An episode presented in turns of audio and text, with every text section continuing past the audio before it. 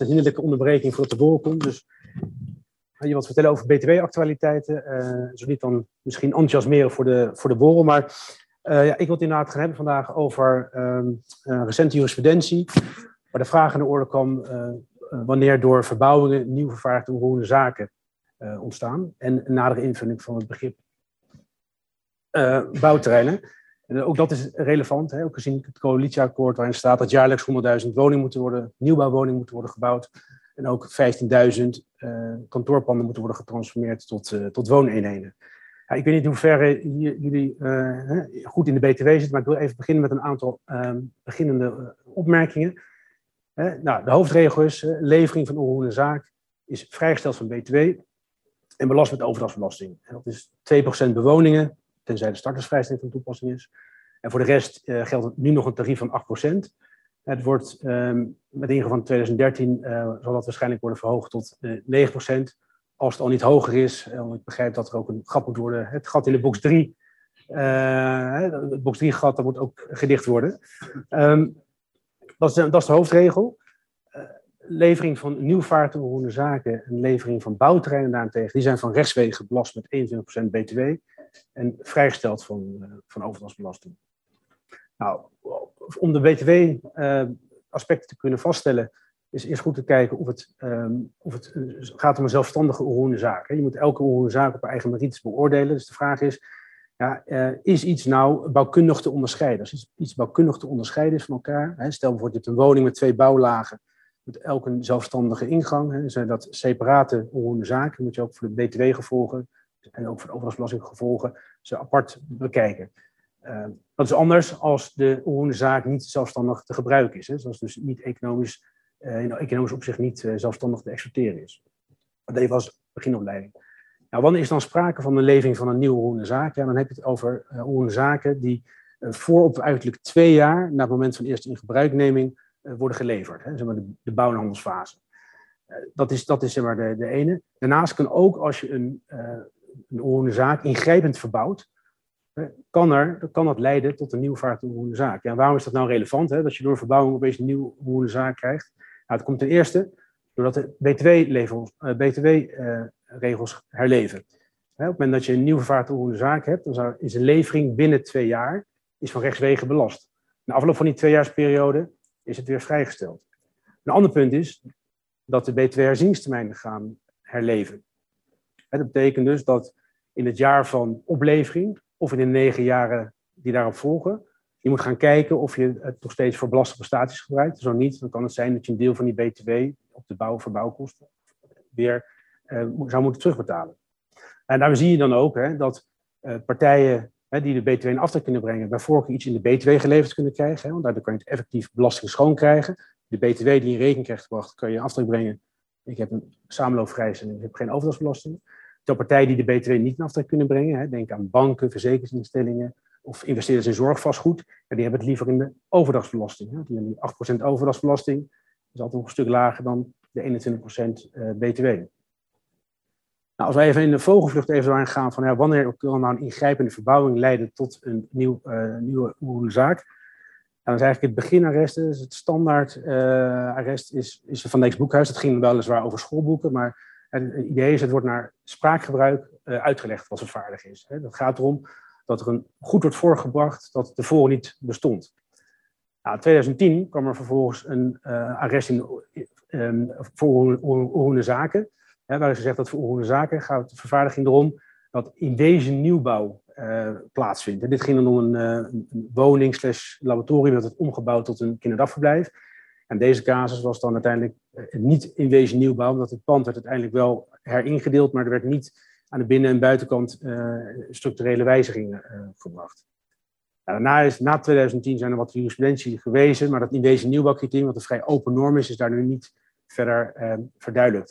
In 2017 kwam er toen een Poolse zaak bij het Hof van Justitie, uh, Kozuba. Dat was een Poolse regeling die eigenlijk zei dat een verbetering, een Poolse regeling, dat als je een verbetering aan een onroerende zaak doet en uh, de kosten minder dan 30% van de beginwaarde zijn, was het vrijgesteld van BTW. Maar tegenover, als het meer dan 30% was, dan was het dus belast met BTW. Nou, de van Justitie heeft gezegd dat zo'n zo'n uh, regeling is op zich niet in strijd met het, het EU-recht. Dat kan, maar dan moet het wel gaan om veranderingen van betekenis, waardoor het gebruik van zo'n zaak wordt gewijzigd. Hè. Dus een soort van, lijkt van, afgezet tegen het inwezen nieuwbouwcriterium, lijkt het een soort van ondergrens te creëren van wat dan mogelijk als een, um, een nieuwe vaart een zaak wordt bestaan. En in de literatuur wordt er ook verschillend over gedacht, van ja, is het nou is het nou anders? Is het nou in strijd met het? Dus daar wordt daar, daar verschillende meningen van. Mijn mening is dat het meer een, onderla, een ondergrens uh, creëert van wat, wat nog kan worden gezien als nieuwvaart of zaak. Nou ja, eh, dus nadat in deze nieuwbouwcriterium kreeg eigenlijk, hè, werd in de praktijk gekeken, wanneer is iets nou nieuwvaart? Eigenlijk vier criteria. Is de bouwkundige constructie veranderd? Is de bouwkundige identiteit, het aanzien van het gebouw veranderd? Is de functie veranderd? En zijn er aanzienlijke investeringen gedaan? Nou, dat, denk ik, dat lijken duidelijke criteria, maar toch zie je in de rechtspraak, uh, zie je toch andere, ja, zie je dat toch, ook de rechters daar last mee hebben. Want we hebben een casus gehad over een postkantoor en een, een wollenstoffenfabriek, waarbij de rechtbank van beide had gezegd, nou die verbouwingen hebben geleid tot een nieuwe zaak. Maar Hoofd en Bos bij het postkantoor heeft gezegd, ja, dit is in wezen nieuwbouw, dit is een nieuw goed. Terwijl uh, bij die wollenstoffabriek werd gezegd, ja, daar, hier is juist geen sprake van nieuwbouw, terwijl die casusposities heel erg op elkaar uh, leken. Nou, 2021 heeft er nog een, op, nou, Maar dat is dus onduidelijk. Het zijn, oh, de vraag is of de criteria die ik net noemde, die vier, of dat één of is, of dat er cumulatief is. Um, ja, dat is de vraag. Dat is ook waar, ik hierna op, op, kom. De weging van wel, wat geeft nou de doorslag? Bijvoorbeeld functie, een van die dingen is de functiewijziging. dat, wordt, dat is een van de criteria die wordt aangehaald, ook de belastingdienst wordt gebruikt.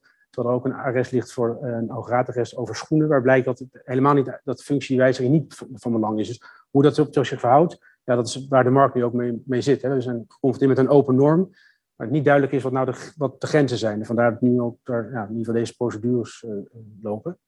Er is ook een, uh, nou, een geweest en heeft de Belastingdienst wat informatie ja, overlegd. Maar daar werd ook niet heel veel duidelijk bij. bij alleen dat, dat de Belastingdienst zelf vindt dat Kozuba, dat arrest, dat polsarrest, dat het geen invloed heeft op, het, op de huidige stand van zaken. En dat je naar Nederland gewoon moet kijken naar de hoge arresten.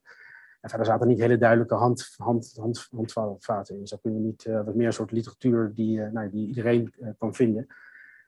Nou, nu heeft dus begin dit jaar heeft de AG een conclusie geweest in de Wolderstoffenfabriek. En die heeft gezegd, nou, ik zie dit wel als wezen nieuwbouw. Ik zal er dadelijk iets meer over vertellen. En eind, eind, eind januari is ook nog een rechtbankuitspraak geweest. En dat ging dan over een kantoorpand, dat werd omgezet in een hotel. En daar heeft de rechtbank de stoute schoen aangetrokken en heeft gezegd, nou weet je wat, ik ga prediciële vragen stellen aan de Hoge Raad. Eh, waarom? Omdat de praktijk, en dat ik ook uit de partij, zowel de Belastingdienst als de, de Belastingplicht in die procedure gaan ook aan. Wij worstelen ook met deze criteria. Wat moeten we hiermee?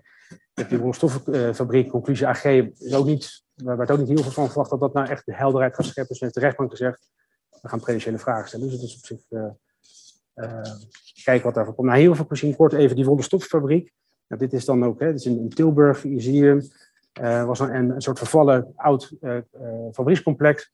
Dat in vier delen is herontwikkeld. De drie daarvan zijn helemaal vernieuwbouwd. Helemaal is nieuwbouw gerealiseerd. En één deel, daar gaat ook de procedure over. dat was een rijksmonument. Dat is ingrijpend verbouwd. Uiteindelijk tot een soort van retailcentrum. Nou, dat, is, dat is geleverd. en de belastingplichtige heeft daar overdagsbelasting betaald. Heeft, is vervolgens in bezwaar gegaan tegen zijn eigen aangifte. Om zo nou, in ieder geval te voorkomen dat hij met boetes kan worden geconfronteerd. En nou, inspecteur heeft afgewezen, heeft gezegd, nou, dit is, uh, dit is wat ons betreft, uh, is dit, uh, was dit niet nieuwbouw, hier moet er gewoon uh, moet over betaald worden. Ja, als je dan kijkt naar de, naar de, naar de, de, feiten, dan is er, het was, dus de verkoper heeft voor 1 miljoen aangekocht, 1,4. Hij heeft voor 11 miljoen verbouwd, dus wel een echt aanzienlijke investering gedaan. Als je kijkt naar de, wat er constructief gebeurd is, er is een dak vernieuwd, uh, er is, uh, de zuilen zijn gerepareerd. Er is een zijn veranderd. Er is een nieuwe vloer ingezet. Uh, het enige wat was dat ze wilden graag die oude kenmerkende, die sfeerbepalende elementen wilden ze bewaren. omdat, het, omdat ook in de omgeving bekend was. Ja, nou, dat is uiteindelijk dus voor um, Hoofd en Bos was dat dus ook een aanstoot om te zeggen, ik vind het geen in wezen nieuwbouw. Want, want, die zeggen, ja, er zijn weliswaar reparatie- en onderhoudswerkzaamheden plaatsgevonden, maar ja, die zijn niet zo ingrijpend geweest dat daar in deze nieuwbouw heeft plaatsgevonden. Hij zegt ja, juist, en dat is een element ervan, is dat al die, die, die kenmerken en elementen bewaard zijn gebleven. Dus dit is niet een goed wat ervoor niet bestond. Het, bestond al, dus heeft alleen een andere functie gekregen. Nou, de, AG heeft ten eerste gezegd, ja, dat is allemaal heel feitelijk. Hè, en, is heel feitelijk van aard. Dus ja, het heel moeilijk om hier om hier nou dan dus een richtlijn in te geven. Maar hij heeft wel gezegd, gezien dat er ook in de praktijk onduidelijkheid bestaat. En heeft dus wel een soort een vrij uitvoerige conclusie genomen. Maar eigenlijk alle ja, relevante stukken wel terugkomen. Om te proberen, om te kijken, kunnen we dat nieuwbouwcriterium, kunnen we dat nou niet op de een of andere manier wat meer concretiseren? Nou, het antwoord is uiteindelijk van ja, nou ja, het is een open norm, dat is bewust zo gedaan. Het is heel moeilijk om daar echt een soort deelnormen van te zetten. Want ja, er zijn zo verschillende verbouwingssituaties. Dat ga je nooit in, één, uh, in een paar dingen uh, vatten. Um, maar hij heeft ook geconcludeerd van ja, wij vinden, het wel, of ze zei, in deze nieuwbouw.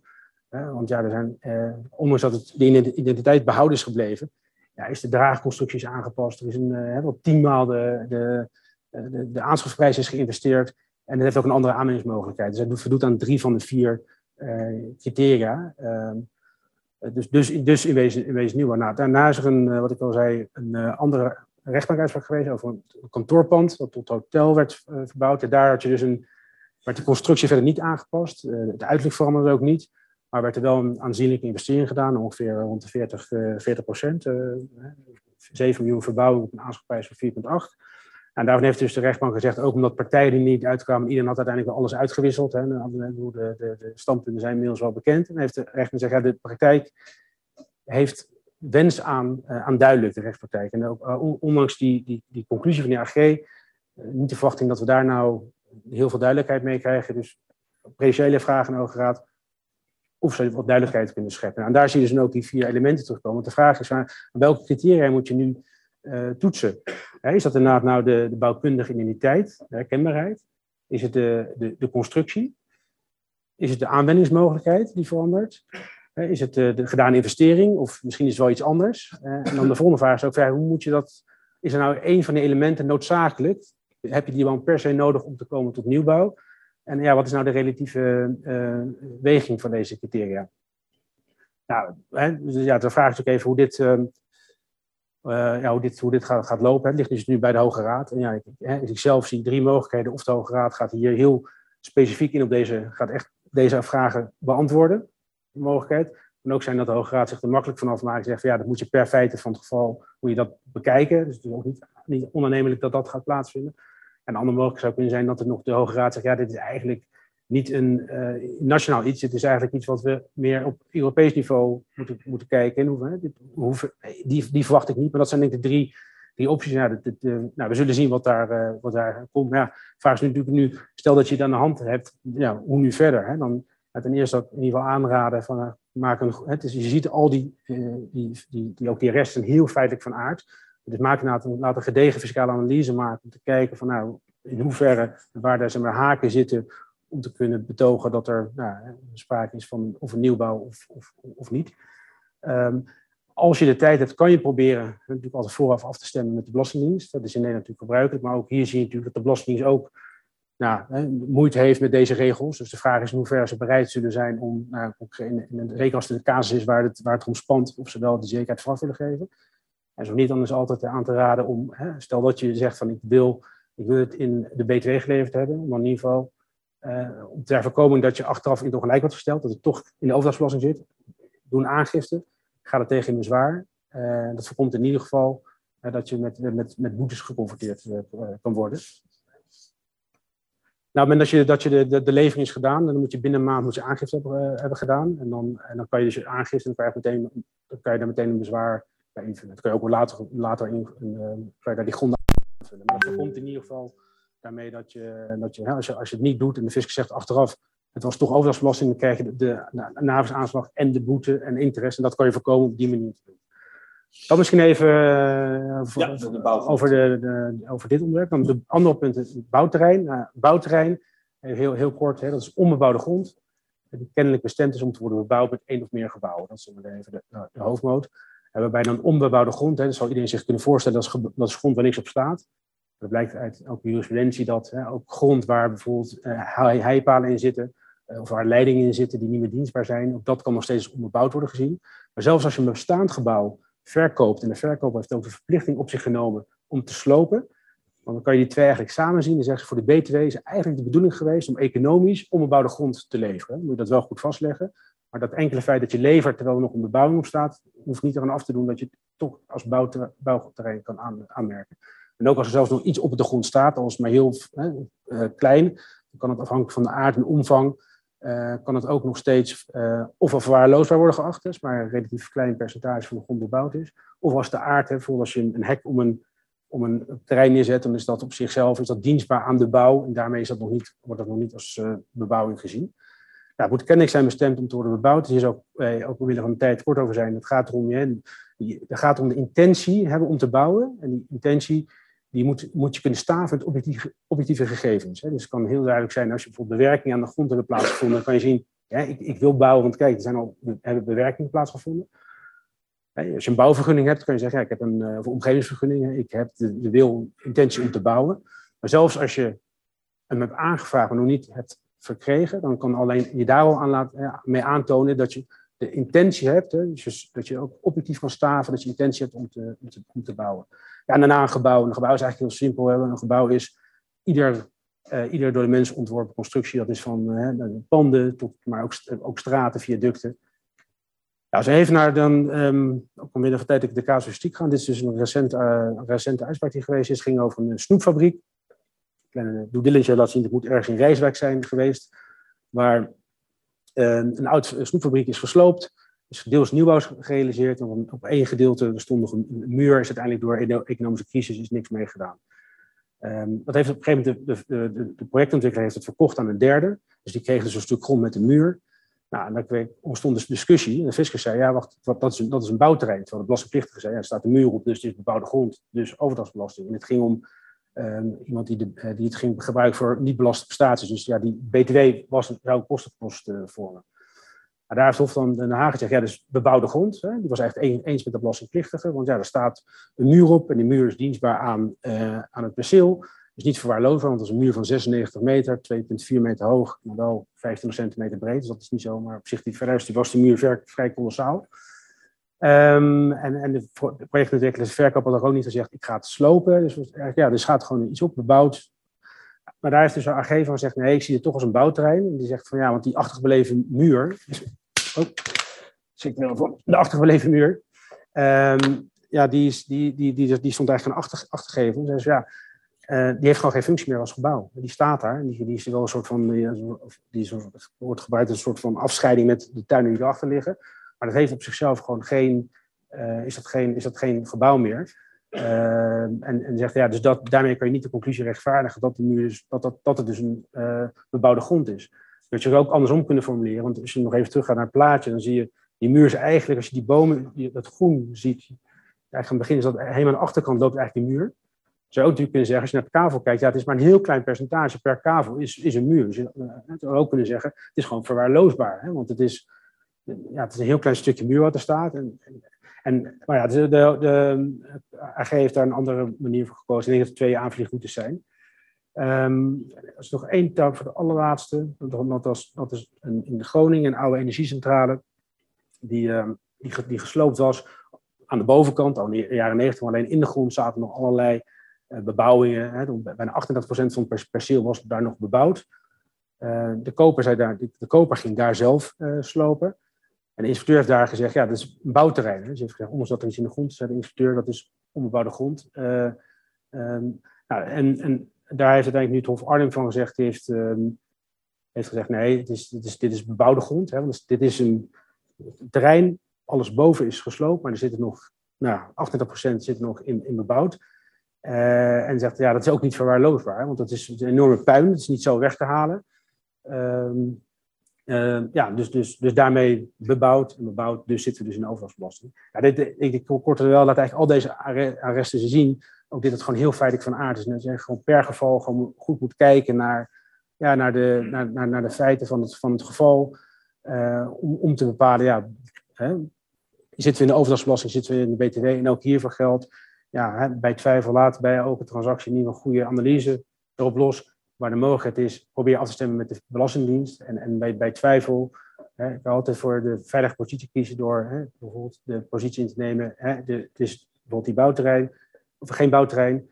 Ik doe, ik doe een aangifte overdrachtsbelasting, maar ik ga in bezwaar dat mocht ik in het ongelijk worden gesteld, dat ik in ieder geval voorkom dat ik bovenop de overdrachtsbelasting moet betalen, ook nog een keer rentes en boetes krijg. Dat wil ik dan even. Ja, dank. Dus de, de les van, een, uh, van jouw betoog is: het is niet altijd wat het lijkt uh, dat het is. Hè? Want er kan een muur op staan en dan wordt dat wel of niet als ja. bebouwing gezien. Ja. En er kan zelfs een gebouw op, uh, op staan. maar als je afspreekt met de verkoper dat de verkoper dat sloopt, ja. dan is het alsnog bouwgrond. Dus het is, dat is de oude Don Bosco-theorie. Dus het blijft een tricky onderwerp. Maar zijn er nog vragen over dit onderwerp? Nee? Nou, dan, uh, ik weet niet of, uh, Jork, jij, jij, nog famous last words hebt. Uh, dan geef ik graag. Ik wil graag een heel